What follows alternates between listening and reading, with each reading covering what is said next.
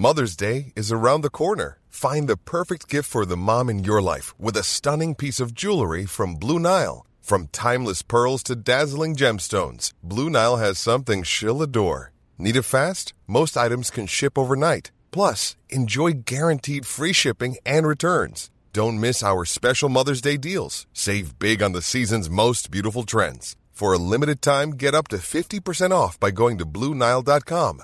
That's BlueNile.com.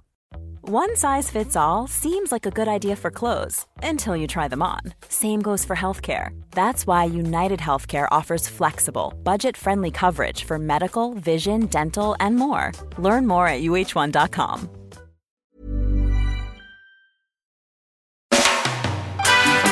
Hej och välkommen att vänta på katastrofen. Ännu en vecka. Jag heter Kalle Zackari Wahlström och eh, den andra rösten ni snart kommer att höra tillhör Patrik Sellman. Hej Patrik. Hej, hej Kalle. Hur mår du? Ja, idag är det inte lika bra som det brukar faktiskt. Jag eh, är hemma i karantän här nu med två... Eh, ja, min son kom hem och hälsa, skulle hälsa på och eh, började må dåligt samtidigt som telefonen ringer och han är smittspårad då. Har varit med covid, konstaterade covid-sjuka då. Så att vi har beställt snabbtest nu då får vi se här. Och, eh, men det, det är ju troligtvis covid. Både min hustru har ju fått det också Okej. han Just då. det. Så jag är lite... Ja, Jag har inte känt någonting förut, men nu känner jag... Ja, men du vet det där när febern ligger under ytan och tassar på lite. Ja. Ja, ja man känner det. som något som stökar i kroppen. Ja, precis. Precis. Men du, eh, hur kände din son då som kom hem och gav sina föräldrar eh, covid? Ja, men sånt kan man inte känna efter. Han blir ompysslad här nu. Mysigt. Du vet, min hustru jobbar i skolan också. Va? Så att, eh, det är Just nog det. inte någon som kommer undan den här. Det verkar vara riktigt eh, smittsamt. Ja, det Jag får ställa in scouterna förra veckan också. För då var det flera barn som var smittade eller hade varit på platser med smittade människor. Och nu är det jag själv som är i karantän då. Så att det, nu går det nog igenom hela befolkningen. Det kommer man inte undan längre. Ja, det är ju känslan. Du, eh, något annat vi inte kommer undan är att prata lite om det upptrappade läget Ja, precis. i världen. Ja. Eller i Ja. vår del av världen kanske man ska säga. Ja, det är ju faktiskt på flera ställen. Mm. Du har ju Taiwan också. Just det. Och sen har du även borta i Kazakstan. Och det är stökigt. Ja, alltså det är ju på många klassiska ställen också. Jag vet inte om det har lugnat sig i Jemen och, och så vidare heller. IS börjar ju bråka igen. Just nu håller de på och stormar ett fängelse med barn som sköldar tydligen. Jaha. Mm. Så det händer mycket. Jag, jag känner eh, själv hur jag, jag vet inte om det är att vi har den här podcasten eller att jag eh, har lärt känna dig eller att jag är mer intresserad av de här frågorna. Skyll jag- dig själv! Jag är väldigt, väldigt obs på allt som har med Ryssland att göra. Och jag läser på internet och jag funderar och lyssnar på poddar. Och... Är det liksom... Är det jag eller är det världen som... Är det farligare än det har varit förut? Alltså det rör ju sig lite i cykler, så är det ju. Det trappas ju upp. Och Ja, ibland går det ju åt skogen. Så är det va. Och... Eh, nej, men min egen, hur jag tänker, det är ju så här att man får eh, ha ett liv som pågår och man får lära sig. Det är inte lätt, men man får lära sig. Och eh, försöka skapa sig ett rikt liv och vara med så mycket glädje som möjligt i då. Va? Och eh, sen är det, det är ju det jag säger. Så att inte ha en beredskap, speciellt i den här delen av världen, det är ju ofattbart egentligen. Va? Så liksom, det är, du brukar ju säga att det ska vara som att borsta tänderna. Ja, men det ska också vara som att borsta tänderna. Det ska vara lika självklart. Det har varit genom årtusendena. Va? ja. Och eh, nu är det den viktiga skillnaden också att folk kan ingenting. Nej. Så det är ännu värre nu va. Ja. Så att man måste ha utrymme och marginaler för att kunna få ordning på saker och ting. Va? Men, men eh, det, det köper jag. Alltså det, det, det, det tycker jag att alla ska ha. Och, men kanske inte upphängt på liksom, situationen i Ukraina eller någonting. Utan det är mer bara för sunt förnuft. Nej, jag men det är ju så. Du behöver ju vatten och mat. Mm. Och förmodligen ta hand om enklare sjukvård och kanske mer avancerad sjukvård än du normalt sett gör själv. Mm. Eh, ja, hemskt vis helt enkelt. Ja. Men det, är- min, min fundering är bara så här. Skulle det... Blir jag oroligare nu för att jag är mer intresserad? Skulle jag liksom egentligen kunna bara skita i att läsa nyheter och eh, fortsätta leva mitt liv och så skulle jag liksom inte märka det här egentligen? Ja, du, du, då skulle det ju vara så som flertalet är. Ja. Stoppa huvudet under armen och så går det så länge det går. Ja? Tills skönt. det inte går längre. Gud vad skönt. Skönt! Du längtar lite efter det, Kalle. Ja, men det är så här mycket att hålla på och tänka på hela tiden. Som igår till exempel. Då fick jag ett sms av en kompis. Då har han hittat på Twitter, det är någon som har skärmdumpat eh, i SMHIs eh, radarkarta i appen SMHI, väderappen. Så ser man att det är en stor vit cirkel, eller liksom en, en, en, en cirkel över Gotland som inte är täckt av radar. Alltså det känns som att en radar är utstörd i en cirkel runt Gotland. Och då går man ju igång såklart. Bara, Åh, det- Är det ryssen som står ut? Eller är det Sverige som står ut? Eller vad är det som händer? Men, men men, alltså, men om jag inte där- hade läst det där, då hade jag liksom inte tänkt på det. Då hade jag inte varit orolig över att nu- nu sker angreppet mot Gotland. Nu kryper de grodmännen upp från miniubåtarna på Böda camping. Det kanske inte ens ligger på Gotland. Ja, du fattar. Ja. Nej, men alltså grejen är så här att det pågår ju hela tiden. Det gör det. Och eh, egentligen så har ju, visst det är ju inte bra va, men det, alltså det pågår hela tiden. Utprovande, svaga punkter, ageranden som man kanske behöver när det gäller sen. Som normaliseras för att det pågår. Va? Alltså, eh, Cyberattacker, eh, ja, olika, olika grejer hela tiden. Va? Kartläggningar och sånt där. Det har alltid pågått. Eh, Jag har ju nämnt när vi var ute och övade under kalla kriget. Det stod alltid de här TIR-bilarna. va. Alla i staber och piloter och nyckelpersoner fick ju besök av tavelförsäljare och sånt där. Men det, Så det där med liksom- TIR-lastbilarna det tycker jag är ett bra exempel. För då, då har jag, nu har jag precis läst om det på Twitter. Att så här, om du ser en, som, en, en sån lastbil som inte eh, befinner sig på något, någon av riksvägarna så ska du rapportera det. Okej. Och det gör ju att Det- jag håller på och tittar hela tiden efter olika lastbilar. Men jag hade också bara kunnat inte veta om det där, så hade det inte varit en grej för mig. Nej, men det är ju det där man pratar om lyckliga idioter. Ja, exakt. Jag önskar att jag Ja. var lite mer en lycklig idiot. Ja, men alltså, jag tänker så här, Kalle, att... Eh, jag har ju ställt frågan för något eller några avsnitt så här, vem vill du vara? Alltså en, en familjefar är en ansvarstagande människa, det tycker jag. Eller familjemor. ja, Ja. eller familjemor, ja, men du är ju en familjefar. Jag är en familjefar. Ja. Eh, ja, en förälder. Eller, även om man inte är en familj då. Ja, du är ju... Far, eh, ja, jag är ju far eller morförälder också då. Men vi har ju familjer så, så vi tänker ju mycket de banorna. Men även om man är ensam. Men det är ju lättare att motivera sig om man har andra människor runt omkring sig. Och ta Ja. ansvar för. Jag är ju sån så jag vill ju ta ansvar. Jag vill ju bära. Så är det. Eh, det ger ju någon form av mening. Alltså jag är ju ingen eh, supervän av den här, eh, du vet, livet är kort, ha så skoj som möjligt. Skit i allt. Eh, nöjestripp liksom. Det, alltså, det, det har man ju lite i ungdomen, men alltså det håller ju inte hela livet och så sitter man där sen va. Ja. Med få undantag kanske man kan säga då. Jag vet inte. Men, men det är ju något med internet som gör något med oss människor. Alltså det, Ja. det, det är väl inte meningen att vi ska få så här mycket information. Det är, det är väl kanske, kanske blir bättre att vi som inte riktigt vet, eller inte riktigt... Ja, kanske att det är en ovana för dig också, för du kanske inte har hållit på så här hela tiden.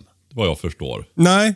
Nej, jag växte ju upp i ett ganska liksom eh, eh, USA-kritiskt hem, kan man ju säga. Ja. Och då, Ja. och då, då eh, eh, kunde ju alla de här liksom, eh, kalla kriget-frågorna var ju ganska eh, annorlunda i ett sånt hem än, än de är i mitt hem nu. Mm. Alltså jag, jag, eh, man var ju mer misstänksam mot, mot imperialisterna än mot, liksom, ja du fattar. Ja. ja. För mig var det ju precis tvärtom. Ja, Farbror som var attackflygare. Pappa som var säkerhetschef på milostab. Reservofficer. Jag som var yrkesofficer. Min bror som var i flottan och påbörjade yrkesofficersutbildning och så vidare. Va? Så vi hade ju ganska närkontakt med vad som, vad som pågick och vad som hände och så vidare. Så att jag, jag bedömer väl det som att det var ett reellt hot faktiskt ja. emellan de här länderna. Eh, fanns ju doktriner och sånt som talade för det också då. Va? Men, eh, ja. Så Finns det ett reellt hot idag? Alltså mot, liksom, mot oss i Sverige som inte är eh, logistikkedjor och... Och sånt där trams. som inte är så coolt. Ja, men behöver man vara orolig för krig? ja, det är klart att du behöver vara orolig för det. Men du får ju vara orolig på ett sunt sätt. Ja, men hur ska man veta hur man är orolig på ett sunt sätt då? Ja, du kan ju inte gå omkring och må dåligt. Det är ju lite, det är ju dumt. Så det får du inte. Det förbjuder jag härmed. Just det. Ja. Så omsätta oro till handling och försöka skapa ett, ett, ett bättre liv. Oavsett om, om det går till helvete eller inte. Alltså, det, det, jag tänker ju så här själv. Jag förstår ju att det kommer att gå åt helskotta. Men Det här frågan hjälper är inte ju, Patrik! Frågan är ju när va? Alltså, det är ju den här ödmjukheten man måste ha. Alltså jag, jag tycker ofta vi har hybris nu för tiden. Alltså eh, för, över våra hjärnor och våran förträfflighet och alltihopa det här va. Alltså det är, vi är så eh, begränsade i våra tänkande. Och tänker ofta det där med, så vi ser ju komplexiteten nu. Varenda civilisation till 100% har kraschat. De bygger mer specialiserade, komplexare eh, strukturer hela tiden tills det storknar och faller ihop. Va? Eh, och det kommer ju våran att göra också. Och det, det, det hackar ju rätt betänkligt nu då. Men samtidigt så tänker jag att det är... Alltså jag... Eh, det kan ju hända nu. Så är det. Och då får man ju lösa uppgiften utifrån det. Vad så gott man nu har förberett sig och så vidare och människor runt omkring sig och så. Eller också så hinner vi till och med dö, jag och du, innan det faller. va. För de här cyklerna liksom, jag tror man brukar säga det, att det tog hundra år för romarriket att falla. va. Mm. Så är det. Ja, det står mig i alla fall upp i halsen.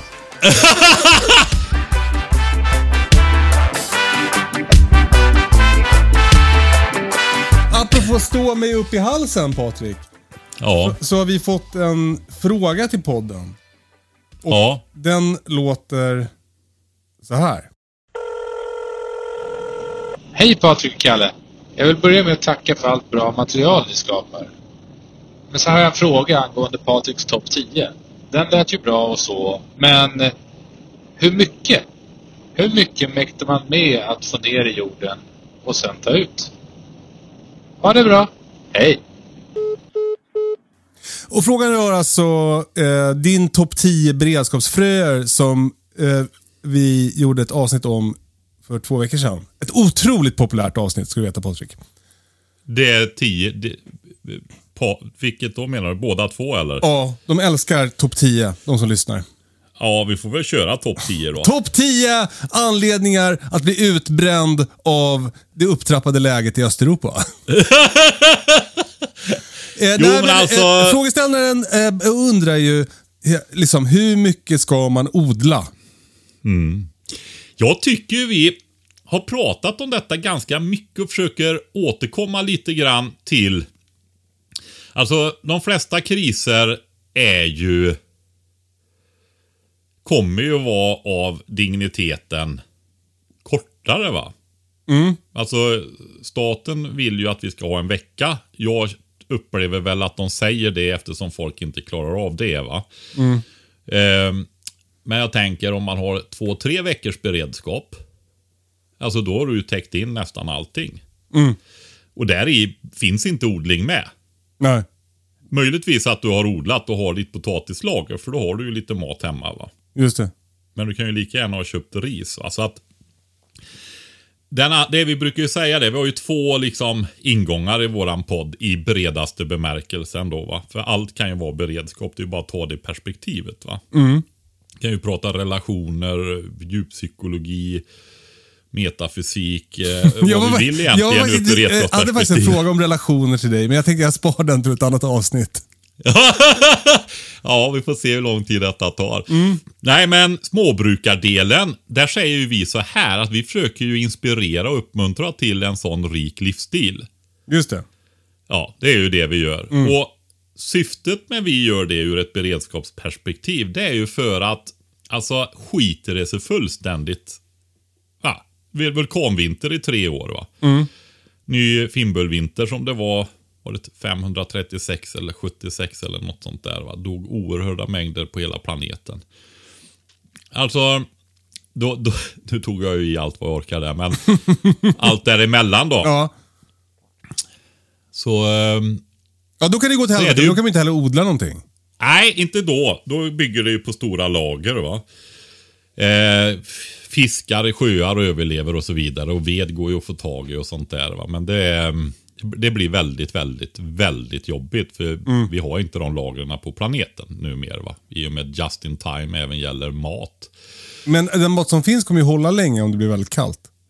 Ja, det gäller att hitta de positiva vinklarna. Ja. Nej, men jag vill i alla fall komma till det här att det är så viktigt att vi håller liv i de här färdigheterna och kunskaperna med de basalare kunskaperna helt enkelt i befolkningen. Ja. Men eh, alltså gå och plåga sig själv liksom och du har ju sagt det där, den där säcken morötter, den kostar inte mycket alltså Nej. om du köper en, de flesta tror jag inte behöver jobba en halvtimme en gång på sitt vanliga högproduktiva arbete för att köpa en morotssäck. Va? Om man inte köper den på dyraste stället då. Men Just det. Köper du fodermorötter på Lantmännen som inte är en billig butik så, så eh, är det ju definitivt under en halv timlön. Va? Ja. Alltså det här vetet som vi pratar om. Två månaders kaloribehov och mycket annat också för en timmes lågavlönat arbete om du köper direkt ifrån en bonde. Va? Så det är inte Alltså- för kaloribehovet egentligen som, som, som vi pratar om odling? Jo, alltså för den, jo, alltså inte på det korta sikten utan det är viktigt att vi håller de här kunskaperna vid liv. Men det är också oerhört viktigt för jag tänker många gånger att de människorna som håller på med det där, de har inga vansinniga lager oftast. va. Eh, det är inte så lätt att växla upp det där arbetet och verkligen få ihop kalorierna om det skulle behövas. va. Just det. Ehm, ja, men då får vi ju börja slå och torka gräs igen. va. Och med tanke på det så har jag ett litet meddelande här faktiskt. Okej. Ja. Ehm, vi har en, en man som heter Kenny. Ja. Han och var, hans hustru har försökt preppa länge och har gjort det också med sina vattendunkar och sådär. va. Och han har varit lite motsträvig. Hon har tittat på din tv-serie och andra. Men så kom han och frågade om den här podden en gång.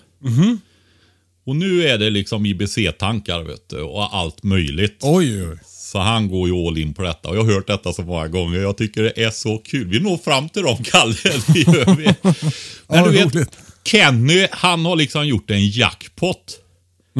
Han har fått en hustru som vill ha fjällnära kor. Oj.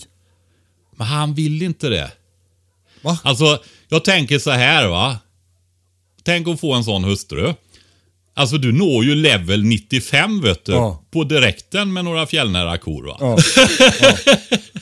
Och sen är det bara lite sjukvårdsutrustning och se till att man kan hålla igång de där korna med mat, mat och sånt och skydd och så. Och sen har du, får du en gödselfabrik till allt annat på Ja, köpet. Va? underbart. Vilken dröm. Nej, Kenny, ta vara på detta nu.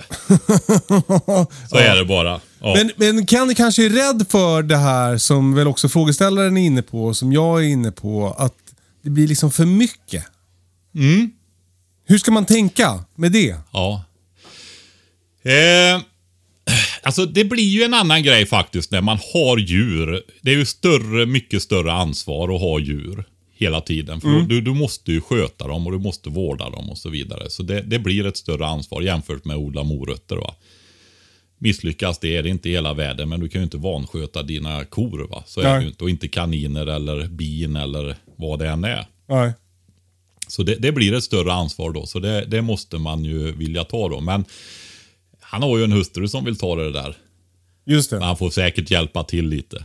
Och sen kan han ju inte åka på de där resorna och så vidare då.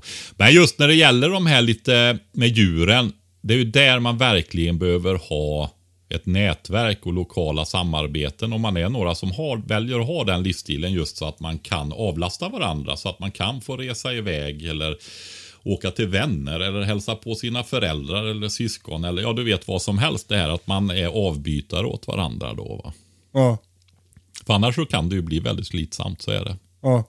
Men eh, ja, vi brukar ju säga det här och det tycker jag vi har varit tydliga med att förmedla också. Att väljer man den livsstilen, Vä- äh, vänta Så- lite Patrik, jag måste... Jag ska bara säga hej. ja, Ah, you fixed it? Okay. Thank you so much. Alltså, för, för nu, eh, det var några här och fixade en grej på vårt tak nu. ja, De kommer från Litauen. ja. Och då blev jag direkt så här, är det här en, en eh, rysk... eh, Kalle, jag får nog komma över och ha lite samtal med dig tror jag. eh, eh, hur som helst, vad, vad sa du? Man ska ha ett nätverk. ja, det är ju så här att eh, du, det ska ju vara roligt.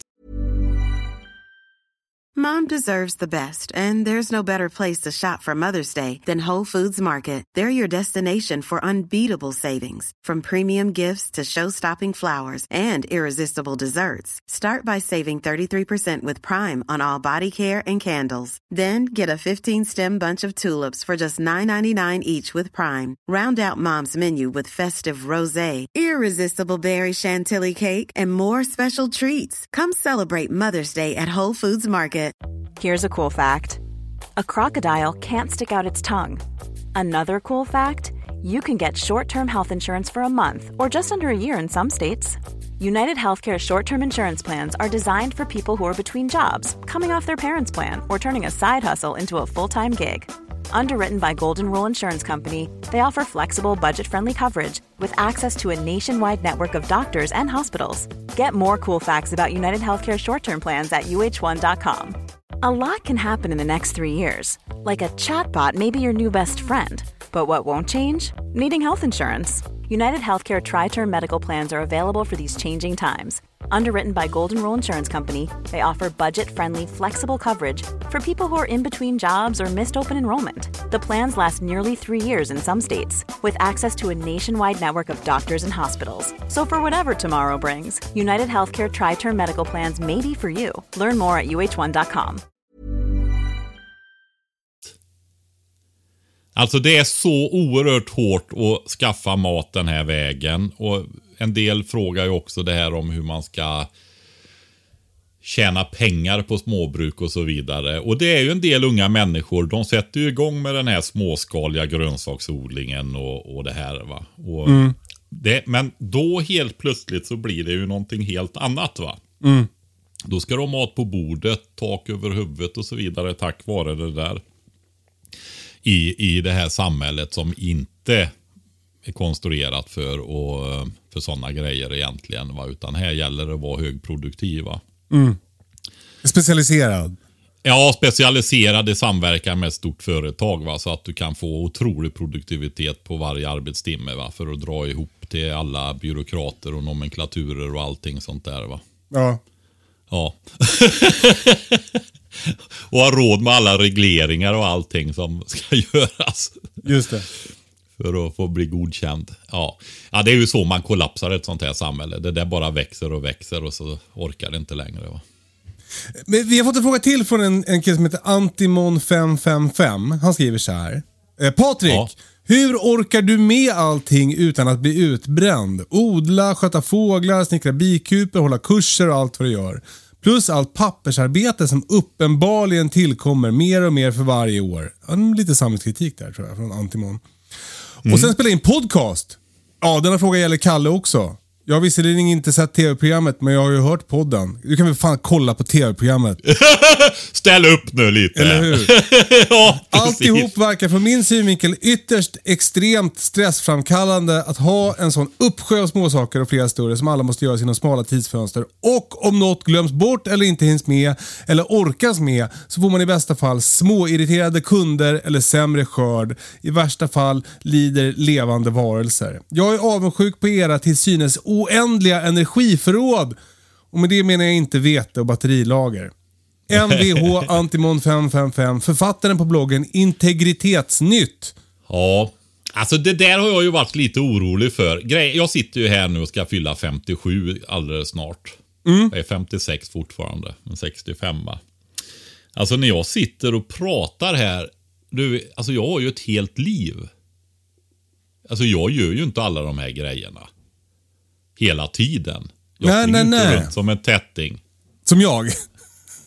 Nej, men jag tycker att du eh, har också hamnat i det där. Jag menar, du vet, nu övervintrar du lite palsternackor och så. Som Ja. av en slump så blir de mycket godare och så kan du ta lite fröskörd och så till våren. Ja. alltså det är det här. Man ska inte göra så. Jag har ju, det här är ju mitt arbete. Jag går ju inte och jobbar någonstans 40. Hade jag jobbat, jag vet inte ens om jag hade orkat jobba heltid idag. Eh, På de stressiga, alltså jag hade inte velat ha en sån livsstil. Om vi Nej. säger så då. Alltså Nej. orka, klart man orkar. Men ehm, jag eh, vill inte leva så. Så som tur är då så har den här livsstilen och det jag har lärt mig, det har blivit ett värde för andra så att jag kan ha kurser och det är ju tack vare det.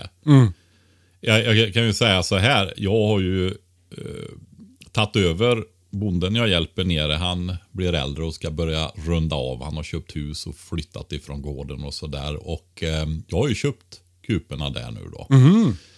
Alltså, jag, jag har ju inga föreställningar om att det där ska kunna bidra lika mycket som, eh, som min kursverksamhet gör till exempel. Hur många kupor är det? 125. Det är väldigt många kupor. Ja, men det är inte så många om man pratar yrkesbiodling, inte ens i Sverige. Okej. Det är det inte, utan det är ju en deltidsbisyssla. Bisyssla såklart. Vi försökte ta det på vårt aktiebolag, jag och min eh, hustru. Det var väldigt naivt. fanns hur många på bisyssla som helst kan jag säga. och varianter och ändelser och kombinationer med aktiebolag och allting. ja, får hitta på något mycket tråkigare. Ja, det, eh, om jag ska säga liksom, eh, eh, från mitt perspektiv så, så jag håller ju med.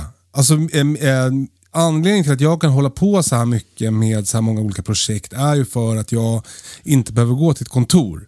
Utan jag har hittat ett sätt att dela med mig av det jag gör här. Så att det blir mitt jobb. Och Det gör jag genom att lägga ut grejer på sociala medier och göra tv-program och göra podcast och så. Och Det, det är, ju, är ju anledningen till att jag eh, kan gasa så här mycket och ha så här mycket olika djur och sånt där. Det, det hade jag aldrig hunnit med annars, tror jag. Nej, Eh, alltså vi kan säga så här. Det du har gjort på tre år, det har inte jag gjort än. Jag har aldrig haft kor till exempel. Nej, ja, precis. För nu har jag ju kor och grisar och får så här. Men, men jag har också jag har ju gjort det här lite som ett experiment och börjar nu känna så här, ja, eh, ja, till exempel så har jag inte betäckt alla tackor i år. Utan jag tänkte ha lite färre lamm så att det blir liksom lite mindre projekt med allting. Ja, lite lagom Jag så att du får att till ska, familjen. Exakt, jag tänkte att jag hela tiden att jag ska eh, växla upp och få fler får. Det, det är ju helt underbart, det är som en fårmaskin. De gör ju nya får. Gör, om tio år har jag 2000 stycken. Men- Det låter som kaniner, de är ännu värre. Vad sa du? Att? Ja, det är som kaniner fast de är ännu värre. Exakt. Men, men sen så, eh, så har jag insett nu att jag behöver liksom inte riktigt hålla på så. Jag behöver inte expandera i den utsträckningen. Utan det räcker för mig att ha lite till husbehov. Och att vara lite vettigare med min odling och inte tänka att jag måste odla allt vi ska äta. För det, det är liksom inte rimligt. Att koriander är för mäckigt för mig att odla för att det, om du skördar av den så går den i blom. Så du måste ha väldigt många plantor, du måste så den, eh, liksom, eh, eh, du kan inte så allt på en gång. Och så. Det, det, den logistiken har jag inte fått till ännu. Så jag, jag köper koriander i affären bara. Det, det är inte så stor apparat. Nej. Eh, men för att inte bli... Sen är det just nu har mitt elstängsel gått sönder. Det är något strul med elen i garaget så att gör att elen inte funkar och då rymmer kossorna. Så kråkan har varit ute i morse, han var ute igår. Det är ju liksom, då blir, man- då blir man ju lite knäckt. Och, och när jag äntligen lyckas nästan locka med honom in så, så skulle Björn prompt hålla hinken med vete som jag lockade honom med och så fick han inte det. Då började han skrika så kråkan, kossan, blev rädd och sprang åt andra hållet. Och då, då håller man ju på att tappa det. Men det, eftersom mitt liv liksom inte står och faller med det här. Att, att, ha, att, kos, att få in kossorna eller att ha jättemycket kossor så att jag får ekonomi i det. Så, här. Så, så, så är det bara kul för mig. Alltså det, det, alla de här problemen jag har. Jag har väl pratat om det här tusen gånger men jag gjorde ett tv-program med en, en som heter Täpp-Lars som hade en, en fäbod i, för Malung. Och, och han sa så fint sådär att jag frågade honom om, han hade ju kossor och det var, så, det var ju mycket med det hela tiden. Och det var vatten och det var... Det var. Men, men han sa så här att, att problem har man liksom alltid. Att, att leva är att ha olika problem och lösa dem. Man får bara välja vilken typ av problem och var man ska ha de problemen. Och jag har ju mycket Ja. hellre... Och hur man ska förhålla sig till Ja men exakt. Och jag har ju mycket hellre liksom kossor som har rymt än... än liksom, Ja, men- Kopieringsapparat som inte fungerar. Ja, men så igår var jag i stan och skulle på terapi. Och då, då har jag en ny telefon, så ingen bank-id, så jag kunde inte betala parkering. Och då, fick jag, par- då parkerade jag utan att betala parkering och då fick jag en parkeringsbot på 900 spänn. Och då... Och jag har ju mycket hellre en kossa som har rymt än liksom en, ett bank-id som måste fixas och en parkeringsbot. Alltså, det, det, jag har ju hellre den typen av problem. Vi har fått råttor i hönshuset igen nu. Och jag har hellre den typen av problem än en, en kopieringsapparat. Ja. Nej, jag har väl kommit så där långt också att jag skulle aldrig... eh, Alltså max två sekunder på en sån där parkeringsbot alltså. Ja. Sen Ja, men- går jag vidare. Jag har inte tid med sån skit alltså. Bara betala och gå vidare. Ja, det är är ingenting att bråka toppen. om. Alltså, Ja. jag, jag Men jag har inte varit sån hela livet. Jag lyssnade också på en Dead Press-låt. Det kanske du inte är ett band som du har lyssnat på jättemycket på Patrik. Men då, då sjöng de Alltså att de han har så mycket att stå i men, men att eh, lycka är bara en inställningsfråga. Eh, och, och det är ju sant. Man får bara... Ja, men det lycka också. Ja. Ehm, alltså jag, jag kör med det här jag, som jag har lärt mig. Och det, jag, är, jag är ju, jag, som jag sa, jag, är- jag är inte jättegammal men jag är ändå 56, snart 57. Och jag vill, tycker själv att jag har varit rätt trög i livet. Men det rör sig framåt i alla fall. Och jag tänkte, det ska man ju vara glad för. För det verkar inte som det är så för alla riktigt. Eh, men det jag kommer fram till i alla fall, och jag tror jag har sagt det förut, men det kan sägas nästan i varje avsnitt. Lär dig att vara tacksam. Alltså, lär man sig det här med att vara tacksam över ja, nästan i vilken situation som helst så har du möjlighet att vara tacksam. Och är, känner du tacksamheten, då kommer glädjen. Alltså det är ett lifehack alltså. Hur lär man sig att vara eh, tacksam då? Alltså man måste ju, det är som allt annat, man får ju öva. Och hur övar man? Ja, på morgonen så titta över allt som du har. Du har barn och barnbarn och att du får möjlighet att pröva olika saker. Att du har en fin hustru som, som har vant sig vid dig och så vidare. Ja, ja men du vet. Så här. är- Och sen när du hittar du kontakter med den äkta tacksamhetskänslan. Ja, men du vet vilken start på dagen. Va? Men och, eh, och eh, liksom eh, få den där tacksamheten under den här träningsfasen. Den får vara lite påklistrad. Alltså det, det är bara att säga orden eller tänka tanken i början, eller hur? Ja, men ofta kan du tänka dig på alternativen och se hur tacksam man får vara över det man har. Då, va? Så det gäller ju... dänga bitterheten och, och alltihopa det där. Va? Utan man får lära sig av det. Man, vi gör ju fel hela tiden, alla. Och då får man ju lära sig av det. Och gå vidare helt enkelt. Och försöka göra det bättre. Och inte fördärva sitt liv för mycket. En del snubblar ju rejält i livet. Va? Så är det ju. Och vi andra vi snubblar lite mindre och kanske oftare istället. Så eh, ja, det är ju så. Man får ju lära sig att leva. Förhoppningsvis så gör man ju det. Vi får hoppas det. Ja. Vi, har, vi fick en fråga till faktiskt från Antimon555, författaren på bloggen Får jag säga en sak till? Ja. Får jag, säga, jag vill säga en sak till där. Just det här som jag många gånger tänker eh, när jag... Alltså, jag, får en upp, jag har inga procentsatser såklart eller så vidare. Va? Utan jag kör ju alltid med 80-20-regeln. För den verkar fungera i de flesta sammanhang. Nej, men väldigt många människor verkar ha ett förhållningssätt som är, ja, men så här är det liksom. Ja, det... Just den här eh, jag är som jag är och så. Och det kan man ju göra på ett positivt sätt. Att liksom acceptera sig själv och så vidare också. Va? Men liksom att det här att det inte går att förändra något utan man fastnar i jobbighet helt enkelt. Va? Det behöver man inte göra. Och klara, hittar man inte ut själv så får man ju be om hjälp. Så är det ju. Och vem ska man be om hjälp? Ja, i, eh, antingen om man har vänner. De här, om man har lite äldre vänner kanske som inte har stannat upp då va? och låst fast sig. Utan gått vidare och kanske lärt sig lite andra grejer också. Eller också så finns det ju professionell hjälp. Men det är ju en extrem bristvara och eh, vill man inte vara i köer så kostar det ju pengar. Va? Så är det ju. Men eh, jag tror att det är bra om vi pratar lite mer med varandra också faktiskt. Mm. Ja, det tror jag också. Ja. Det är lite konstig kultur när man ska gå till något proffs. Fast å andra sidan så tänker man eh, i eh, ja, men den gamla stammen till exempel så hade du väl äldre människor, schamaner och så vidare. Då gick man och pratade med dem och fick vägledning eller ledaren eller något sånt där. va. Och vi har dig. Nej, ja. En annan grej som jag lärde mig, te- som jag lärt mig av mina tv-program, det är ju Liksom, jag har gjort det här eh, Kalles sexliv och sen Kalles och Brittas sexliv. Att vi träffade människor som levde inspirerande, på inspirerande sätt. Typ. ja. Och, och En grej som var gemensamt för alla dem var att de var väldigt noga med hur de levde. Alltså de levde med flit. De, hade inte, de lät inte bara saker och ting hända. Utan de satt i förarsätet i sin existens. Liksom. Och, och det, det tycker jag verkar... Jag tycker att det slår an, knyter an till det du säger. Att, att inte bara låta saker pågå utan utvärdera och, och vara medveten om att man kan göra förändringar för att få det annorlunda. Alltså om man vill ha det annorlunda, så om man är missnöjd med hur man har det, så då får man se till att göra på ett annat sätt. För, för det är liksom du som, som kör bilen. Ja. Sen, sen är det ju så här också.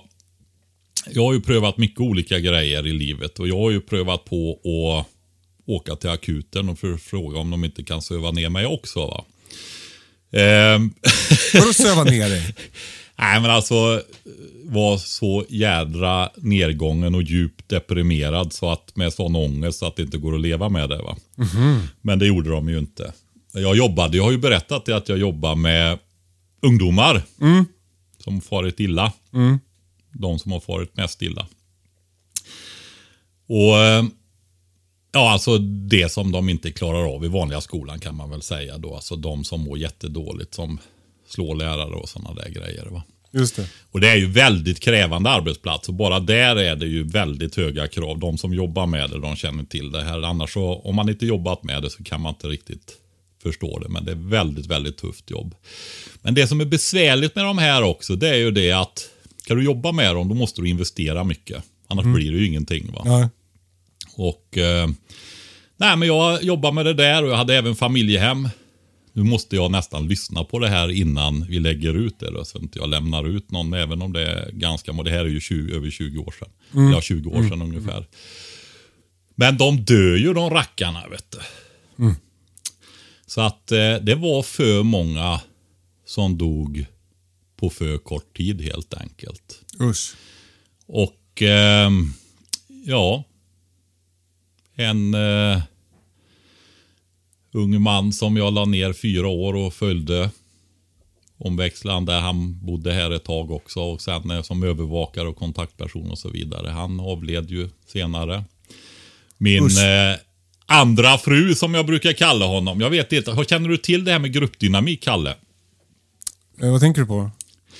Fyro till exempel. Den Nej. sån här, det är en enkel modell som man får lära sig på de lägsta officersutbildningarna. Hur, hur grupper, och det börjar ju liksom med den här första all, tillhöra-fasen. Att alla vill liksom vara med och alla är, det känns så himla bra när man träffas. liksom så här.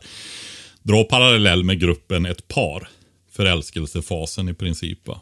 Just det. den går att applicera på detta också. Men nästa fas, nej, men då är det ju det här när man liksom har rullat igång gruppen och det har gått ett tag. Varje grupp ser olika ut också beroende på vilka medlemmar i gruppen det är och så vidare. Men grovt sen då så vill ju den här gruppen börja strukturera sig. Och då känner man, nej men jag vill ju inte alls ha den här rollen här. Vad den där håller på mycket. Va? Det är en konfliktfull fas där man Alltså nu ska gruppen hitta sina former på riktigt. Mm-hmm. Och där är ju mycket skilsmässor. va. Just det. Ja. Men det är också där folk slutar på jobbet. Sju Det är år. väldigt många grupper som inte går till den mogna fasen om vi säger så. Jag kommer inte ihåg exakt vad faserna kallas. Men det är ju det här tillhöra tuttinuttfasen, struktureringsfasen, konflikter och sen den mogna gruppen. Va? Det är ju de där som har ja, långa äktenskap och sådana saker på ett sunt och friskt sätt. Då, va? Just det. Eller hyfsat sunt och friskt sätt i alla fall. Vi är ju trots allt människor. Va? Men den eh, läraren där, han brukar jag kalla min andra hustru. För den som jag har gjort den resan med, det är ju min hustru. Vi har ju varit gifta nu i 33 år i år. Jättelänge. Ja, det är rätt länge. Eh, och så är det är ju så med henne där att faktiskt. Man ska aldrig ta någonting för givet, så är det va. Men eh, vi har ju ändå gått igenom en del ihop. Och, och så. Och han, den läraren, vi var så olika och det är jag och min hustru också alltså. Du vet när jag funderade i termer av eh, pedagogik och så vidare, då var han mer inriktad på att vi måste ha ordning på skorna i hallen. va. Okej. Han höll på struktur liksom och det här. Och det är, många av de här barnen behöver ju det. Va? Så är det. Så att vi, vi var Men då körde ju han ihjäl sig också. Vet du. Oj. Litet märke på hakan bara. Va? Det var många elever som var med i kyrkan där också. Så jag tappade fotfästet. Så var det. Jag tror väl att jag fick, jag fick ju ingen hjälp med detta. Utan eh, jag fick försöka komma på fötter själv då. Tre månader så fick jag tid hos någon psykiatriker uppe i Torsby och det kunde jag ju varit utan. Ja. Ja, så är det. Fy fan. Mina barn fick dig. gå ut och...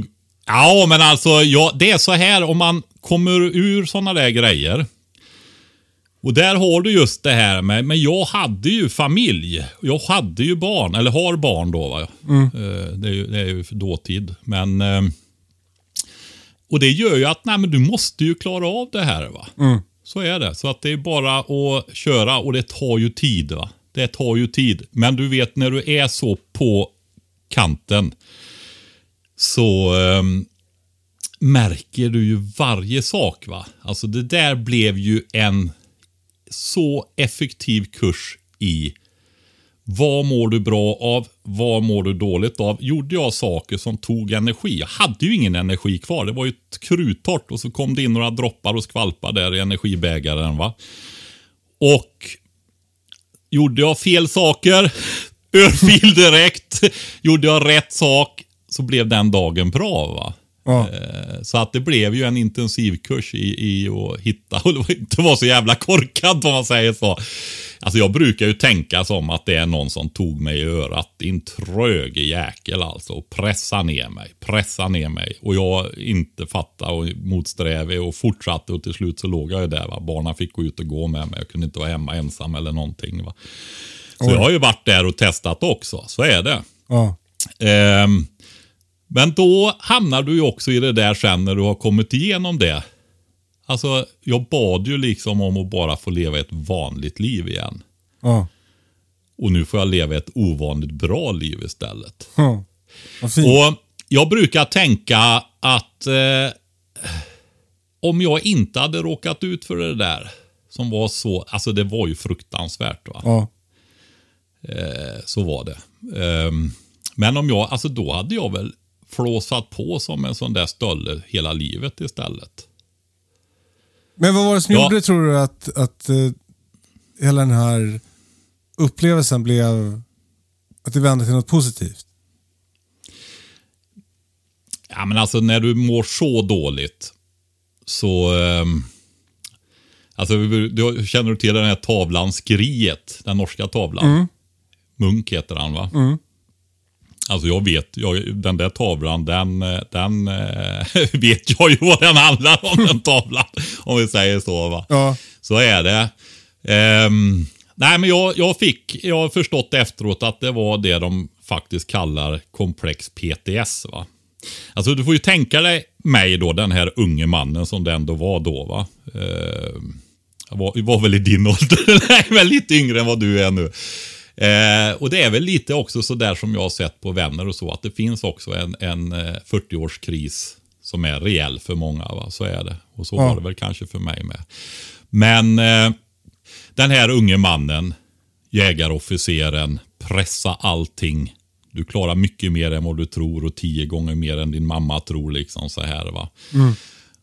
Bygger ditt eget hus.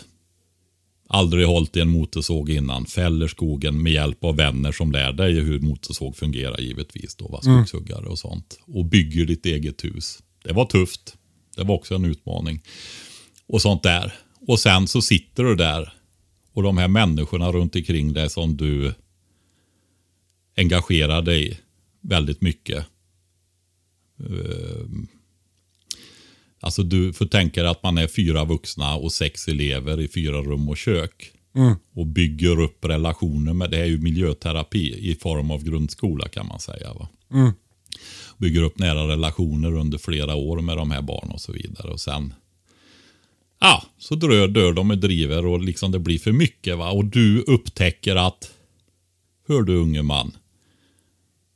Du har inte ett skit att säga till om egentligen när det verkligen gäller. Så är det. Jag ska inte fullfölja den där. Men man, det är så här att man får... ehm, man måste... Det är två, två grejer som man måste lära sig. Ju fortare desto bättre. Eh, jag önskar att alla inte är så tröga som jag har varit där. Men man måste förlika sig med vild. Man har ju kommit hit. Det finns en ingång och en utgång när man kommer till den här planeten. Så är det. Och eh, vi är här en liten stund tillsammans. Det får man ta vara på. Och eh, alla, alltså man vet inte vad som händer. Alla kan lämna när som helst, så är det. Och den andra grejen, det är det att man ska lära sig att uppskatta sig själv. Va? Så är det. Alltså Hur gör man ska det Med, ja, alltså hur gör man? Ehm, alltså man får försöka helt enkelt. Och i, någonstans så handlar det ju också om att förlåta sig själv. Jo, jag kan nog säga så här. Vad jag gör lite grann, det är att jag distanserar mig lite från mig själv och tittar ifrån mig med, med ett utifrån perspektiv och tittar med värme på mig själv. Vilken rolig jävel alltså! ja men alltså, som du vet, man går här och försöker i livet och så vidare. Va? Och eh, försöker så gott det går. Så att... eh, och just det här också att vi är olika. va Att varje sida av någonting, det har en framsida och en baksida. va det är så. Är man, sticker man ut lite och är bra på något, då är ju det där på en skala. Och då är det så att hänger du långt ut och är skitbra på den grejen, i andra änden på skalan har du ju ingenting då istället. Då är du skitkast på det istället. va. Och då är det meningen att du ska ha folk runt omkring dig som är lite annorlunda än dig själv. så att, eh, så att man kan... Ja, men vi, har, vi har fått en till fråga från, från uh, Animog 555. Som, som jag tycker angränsar lite till det här. Men som, alltså det handlar ju om, om lite mer konkret om odling. Men, men han frågar så här. Eh, Patrik, du säger ofta att man måste våga misslyckas för att lära, och lära sig från sina misstag.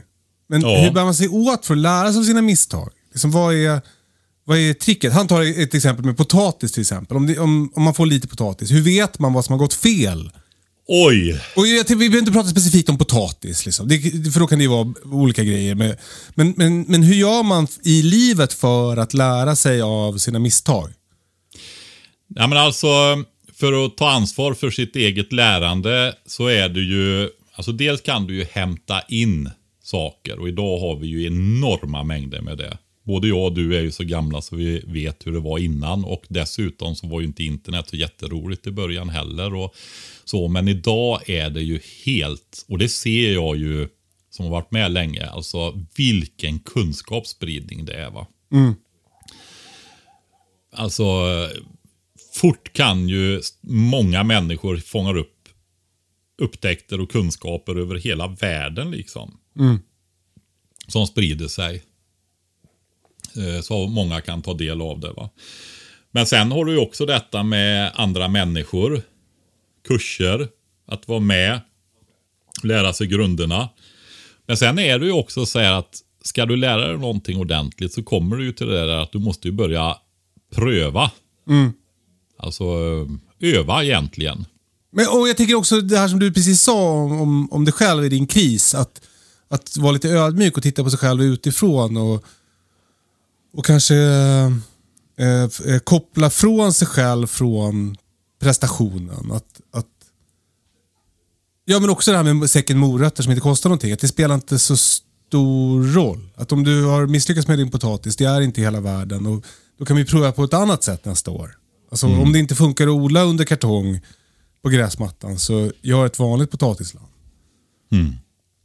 Nej men alltså njut av den tiden du fick komma hit. Hur den är. Alltså backar vi så är det ju så här att de flesta vanliga människor har suttit där och vetat att nu har vi inte mat så det räcker. Ända fram till våren va. Förr i tiden. Och det, så, det kan bli så igen men vi är inte där nu. Alltså det finns en miljard grejer att oroa sig för som inte har hänt.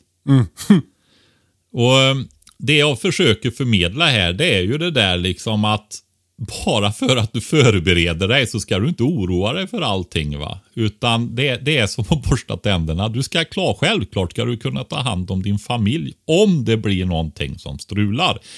För har man inte den möjligheten då blir det ju väldigt besvärligt. Och det är ju inga stora grejer egentligen va. Inte de här kortare perspektiven, en till tre veckor i alla fall. Så är det, är det ju inte det va. Så, ehm, ja. Ja, men eh, ska vi sammanfatta det som ett, eh, eh, tacksamhet, eh, nyfikenhet och eh, eh, Ödmjukhet. ödmjukhet och eh, kanske också eh, framåtrörelse. Ja. Och sen eh, är vi här tillsammans den här korta stunden också så kan vi lägga till att det är väldigt bra att ha kärleken och omsorgen som drivkraft också. Gud vad inte fint. rädsla, ångest. Alltså man kan ta vara på dem men det får inte vara kärnan i det. Oron får leda till att jag gör det här därför att det är viktigt och att jag bryr mig. Va? Du. Patrik, eh, jag tycker vi slutar där. Tack så hemskt mycket för idag. Eh, Ja! Vi, eh, eh, och tack till er som lyssnar. Tack för att ni skickar frågor till oss. Hej att katastrofen.se är mejladressen om ni vill skicka en fråga.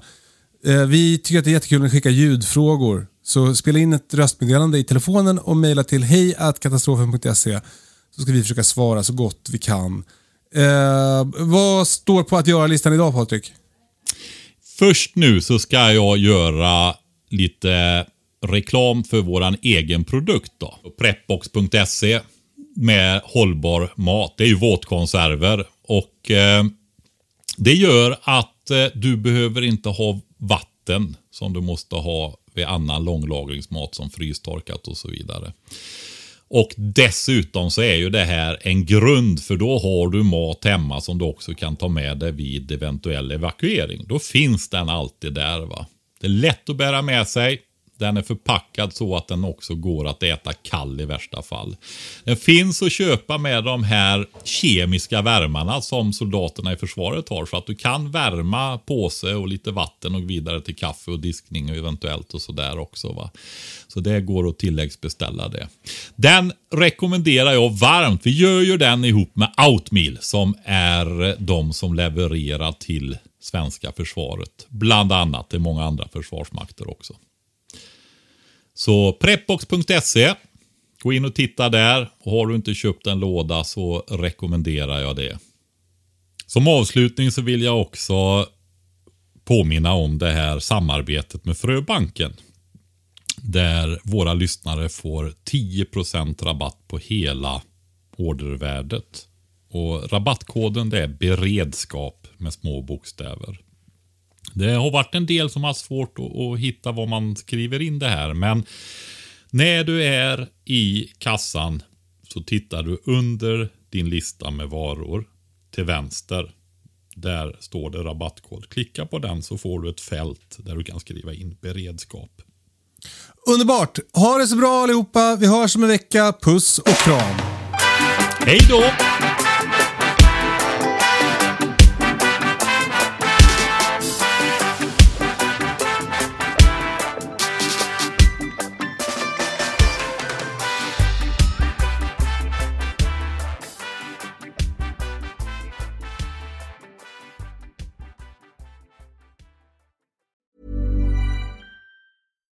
Deserves the best, and there's no better place to shop for Mother's Day than Whole Foods Market. They're your destination for unbeatable savings, from premium gifts to show-stopping flowers and irresistible desserts. Start by saving 33% with Prime on all body care and candles. Then get a 15-stem bunch of tulips for just $9.99 each with Prime. Round out Mom's menu with festive rosé, irresistible berry chantilly cake, and more special treats. Come celebrate Mother's Day at Whole Foods Market. Hi, I'm Daniel, founder of Pretty Litter. Did you know cats tend to hide symptoms of sickness and pain? I learned this the hard way after losing my cat, Gingy. So I created Pretty Litter, a health monitoring litter that helps detect early signs of illness by changing colors, saving you money and potentially your cat's life. Pretty Litter is veterinarian developed, and it's the easiest way to keep tabs on your fur baby's health right at home. Go to prettylitter.com and use code ACAST for 20% off your first order and a free cat toy. Terms and conditions apply. See site for details.